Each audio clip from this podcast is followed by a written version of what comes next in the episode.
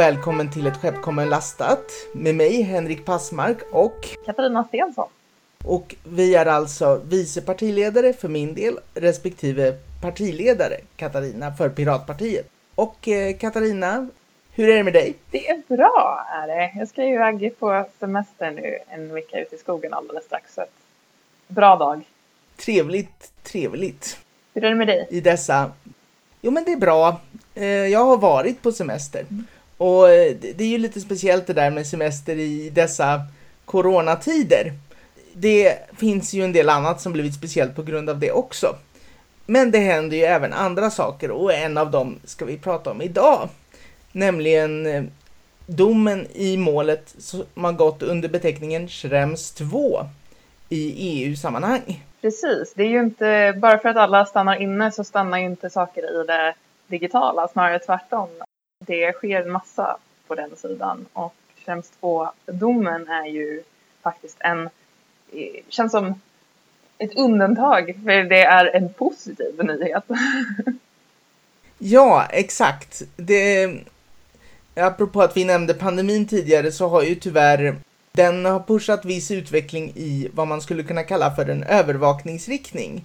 Och där har ju vi piratpartister av naturliga, historiska och en massa andra skäl generellt haft en skeptisk hållning. Schrems 2 eh, däremot är ju en för oss mycket positiv, eller utfallet var för oss mycket positivt skulle jag vilja hävda. Så vad, vad innehöll det egentligen? Eh, ja, och vad är det? Vi kanske ska börja med det. det eh, bakgrunden till det här är ju lite att det finns avtal mellan EU och USA kring hur man eh, hur företag hanterar data helt enkelt. Vi har ju en lagstiftning i EU, GDPR, kring hur, hur man ska eh, hantera data inom EU, men vi använder ju även tjänster från USA, så då måste det finnas någon typ av, av avtal där hur det ska fungera. Och eh, tidigare så hade man ett som hette Safe Harbor och häromåret så blev det ogiltigförklarat av EU-domstolen på grund av att eh, bland annat Snowdens avslöjanden om att amerikanska staten övervakar eh, och har tillgång till eh, all den här datan som amerikanska företag samlar in om eh, sina användare. Och det är ju inte i, i, i linje med EUs lagstiftning. Nej, och liksom vad det betyder egentligen, det, det är ju liksom, och det, och det är ju viktigt att förstå att det handlar inte bara om en sån enkel sak att Google har en massa europeiska användare. Utan det handlar ju liksom om att GDPR som alltså man kan tycka vad man vill om det. det. Det är liksom inte en perfekt lagstiftning. Men ambitionen bakom den och målsättningen var ändå att ge ganska långtgående rättigheter för medborgarna att ha kontroll över hur data, om de lagras, hanteras och även liksom möjlighet att kanske tacka nej då till den behandlingen. Och väldigt sällan så har ju liksom europeiska medborgare givit någon slags carte blanche-samtycke till att få sin data behandlad, kanske framförallt av amerikanska staten. Och en av de här effekterna, som kanske inte handlar om en sån sak som nätplattformar, det är även datautbyte för forskning, som ju blir väldigt mycket mer komplext. Eller, eller eftersom det förekommer ändå så att säga transnationell forskning där både USA och Europa är inblandad det är en fråga som jag stöter på ganska regelbundet, att man vill liksom skicka data utomlands från till exempel svenskt håll. Men man kan inte skicka den till USA hur som helst av olika skäl. Det finns ju vissa länder där man tvärtom har sagt att den här praktiken är sån att man kan garantera samma skydd för data i det här landet som man kan under GDPR. Och då tycker man att det kan vara okej. Okay. Ett av de länderna är Japan, men det gäller alltså inte USA. För att USA har en praktik kring det här som gör att man kan inte garantera den säkerheten. Och då är det inte okej. Okay. Nej, då har inte vi EU-medborgare någon kontroll över vår data längre. Och eh, ja, men i alla fall den, eh, den tidigare, den här Safe Harbor blev ju då ogiltigförklarad av, av EU-domstolen. Men då tyckte ju europeiska politiker att då måste vi fixa ett nytt sånt här avtal så att, så att inte amerikanska företag helt plötsligt måste typ sluta ha europeiska användare eller flytta alla sina servrar till Europa eller någonting eh, annat drastiskt. Så de eh, fixade till ett nytt sånt här avtal. Och det den här Schrems 2-domen gör är att den ogiltigförklarar det avtalet. så det, och, och, och, det som har varit så lite så halvfult i det här sammanhanget tycker jag, det är ju att kommissionen har ju Alltså jag har fått intrycket av att man från kommissionens håll har mest sett den här domen som besvärlig och därför försökt hitta olika sätt att gå runt den.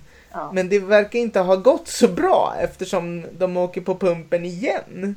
Men sam samtidigt så är det ju så som, som en annan kommentatör noterade om den här domen att en teoretisk så att säga, alltså det här kan ju bara åtgärdas på två sätt. Och det ena är att EU drastiskt släpper sina krav på dataskydd. Och det andra är att USA slutar att göra vissa saker som inte är i enlighet med de dataskyddsprinciper som vi har här. Och hittills så har jag inte sett några indikationer på det sistnämnda. Och jag hoppas jag slipper se indikationer på det förstnämnda. Men då är ju frågan vart, vart hamnar vi? Och lite granna, eh, det finns ju så att säga avtal att falla tillbaka på. Men de är inte, vad jag förstår så lämnar de en hel del i övrigt att önska utifrån liksom eh, flexibilitetsperspektiv. Det är liksom inte så enkelt att du automatiskt kan samtycka till den här behandlingen på ett sätt som, som anses hur ska jag säga? Det är klart att du kan samtycka till den behandlingen, men jag tror inte du kan samtycka till den behandlingen på ett sätt som gör att du sen inte kan hålla det amerikanska företaget ansvarigt för, för diverse dumheter som sker med datan. Förstår du vad jag menar med skillnaden på det? Mm. Och förstår ni lyssnare? Det vet vi ju inte, men jag tror vad jag menar är att amer amerikanska företag brukar ju väldigt gärna, alltså i sina end user license agreements och allt sånt där, de brukar ju vara väldigt rädda för att bli stämda. Mm. Så att de brukar ju hitta olika sätt att på att liksom friskriva sig från ansvar.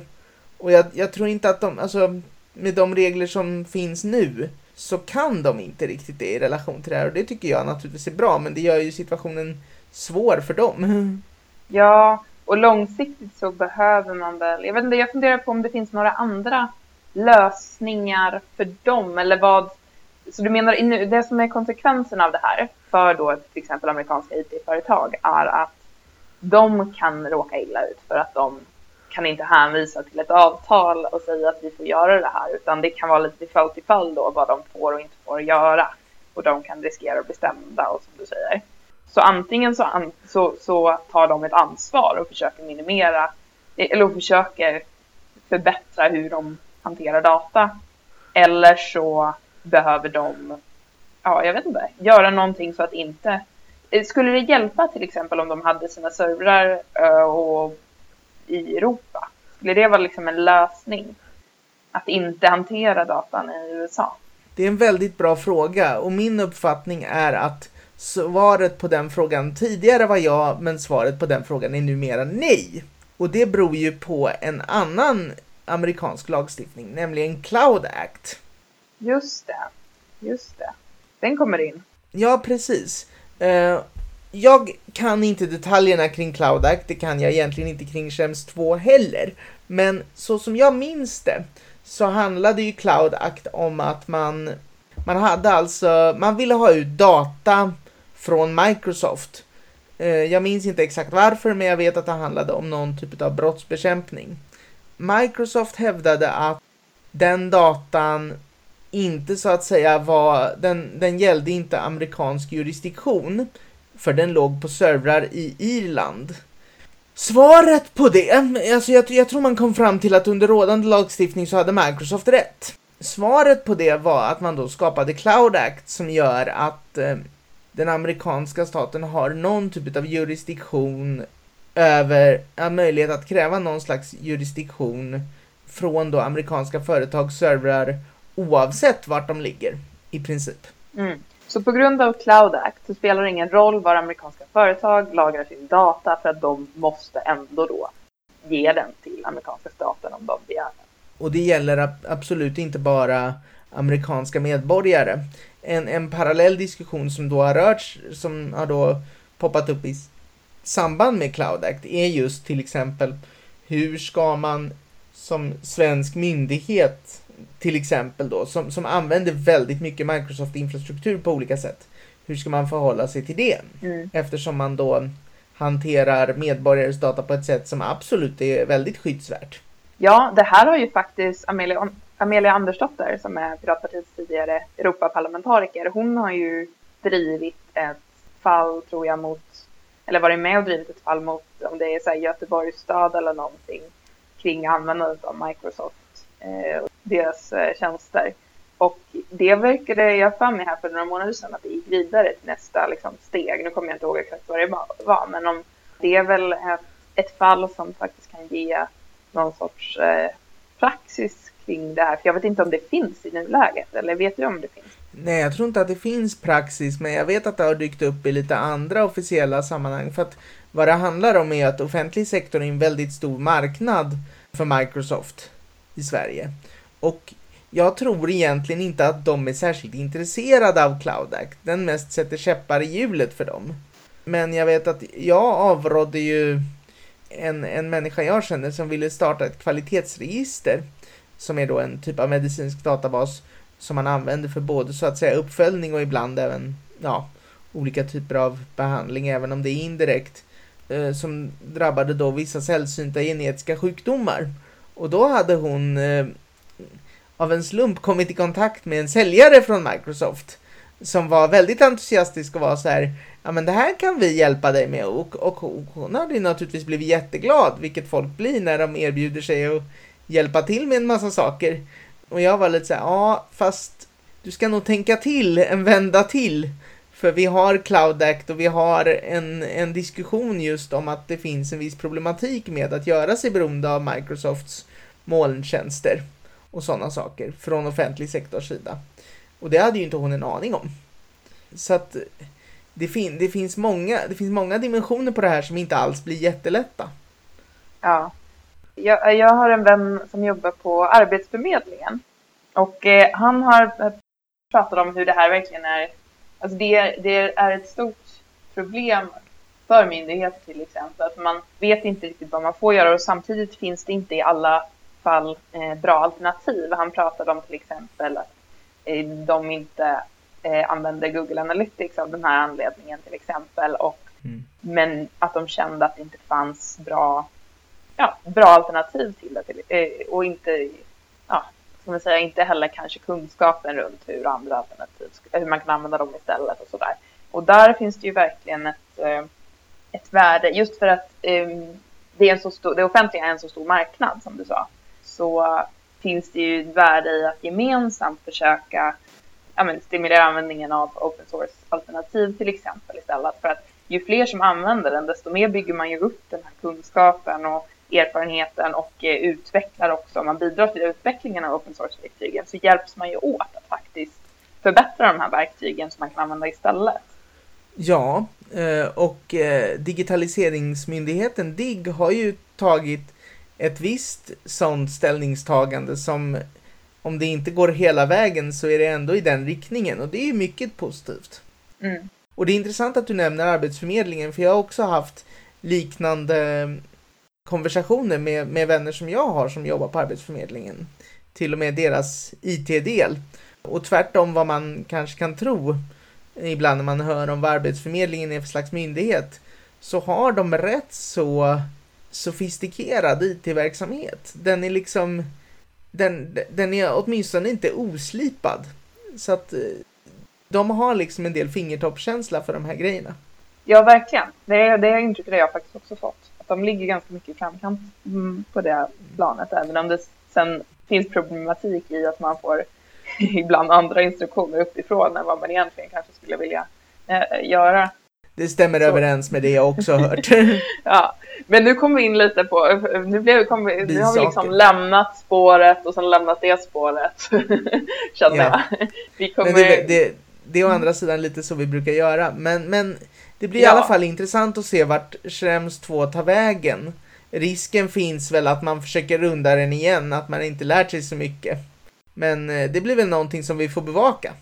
Ja, att man försöker sätta upp ett till sånt här avtal eh, då, liknande. Trots att det egentligen inte... För jag vet när de här satte upp det här nya avtalet då som kallades för, gud vad heter det, Privacy Shield tror jag. Mm. Häromåret så var det egentligen inte så stora förändringar mot innan. Man hade ju inte gjort någonting åt grundproblemet. Utan man hade typ lagt in någon klausul om att eh, användare ska kunna mm, ja, klaga någonstans. Det var typ den, de, som jag förstått det, de, liksom den typen av ändringar man hade gjort. Man hade inte gjort något åt grundproblemet. Nej, precis. Så ja, det blir intressant att, att se vad de, vad de gör nu, om det blir några större förändringar, om man, eller om man försöker gå, ta de genvägarna igen.